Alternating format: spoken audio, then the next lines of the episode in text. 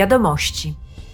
Parlament po raz pierwszy obchodzi Tydzień Praw Osób z Niepełnosprawnościami.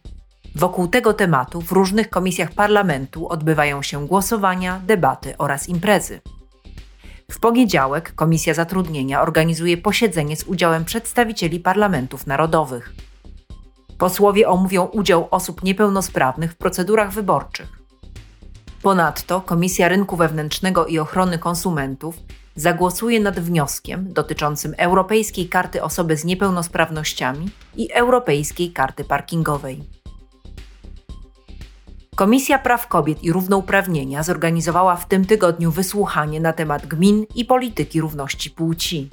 Europosłowie i politycy szczebla lokalnego omówili swoje doświadczenia i podali przykłady, jak najlepiej podkreślić rolę, jaką kobiety odgrywają w przestrzeni publicznej na szczeblu lokalnym.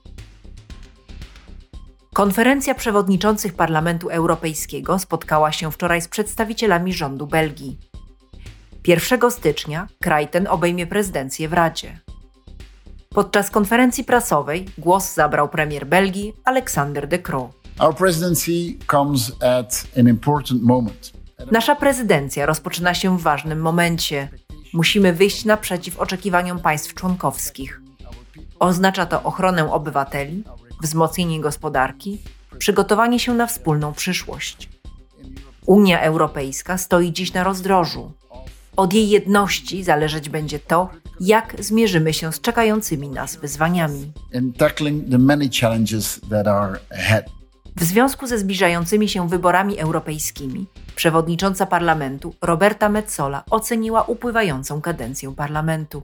Looking back at this mandate, one would say we've had Kadencja dobiega końca, kończymy maraton. Pięć lat prac nad przepisami, które zmierzają ku temu, by Europa stała się bardziej ekologiczna, sprawiedliwsza, geopolityczna i lepiej przygotowana na erę cyfrową. Do końca bieżącego roku prezydencję w Radzie sprawuje Hiszpania.